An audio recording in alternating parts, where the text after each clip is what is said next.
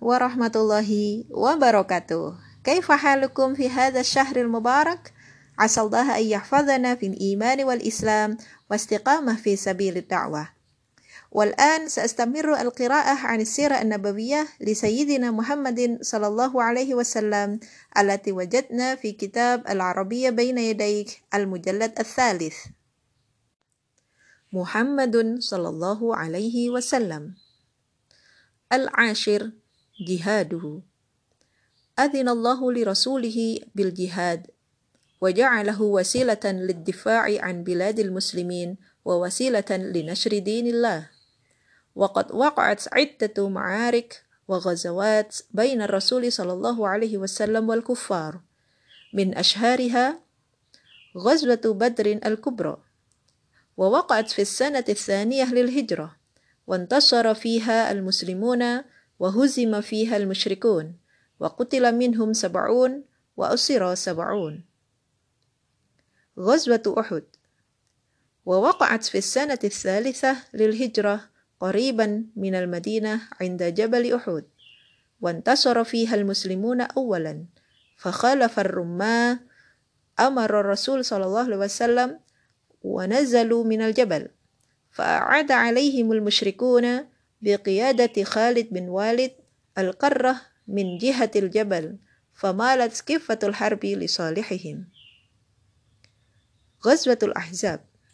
في السنة الخامسة للهجرة تآمرت قريش مع بعض القبائل لحصار المدينة فحفر المسلمون خندقا لحماية المدينة من الأحزاب الذين تحالف معهم يهود المدينة. أي بنو قريظة بعد نقضهم للعهد. وأرسل الله ريحا شديدة فرقت جمع المشركين وقف الله المؤمنين القتال غزوة بني قريظة. بعد غزوة الأحزاب مباشرة توجه المسلمون إلى يهود بني قريظة الذين ناقضوا عهودهم مع المسلمين وحاصروهم حتى نزلوا على حكم سعد بن معاذ وانتهت فتنتهم. صلح الهديبية.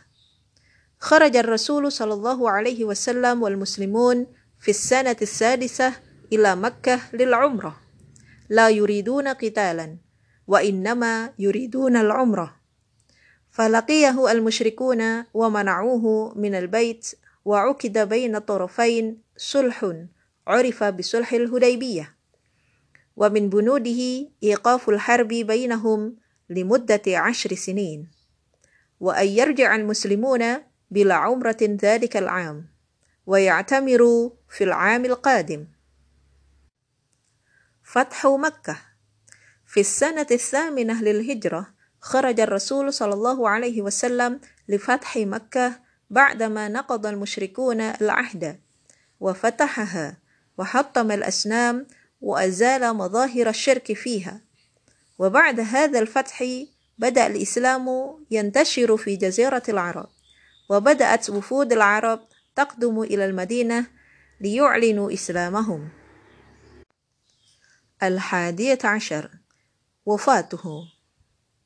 توفي صلى الله عليه وسلم عن ثلاث وستين سنة في ضحى يوم الاثنين الثاني عشر من ربيع الأول ودفن في الموضع الذي توفي فيه داخل حجرة عائشة وصلى عليه المسلمون أرسالا.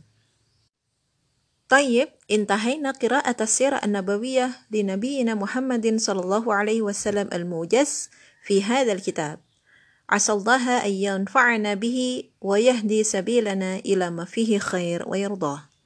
أخيرا ورحمة الله وبركاته معكم دينور خاتمة من مدينة مالان أم زكي عبد الرحمن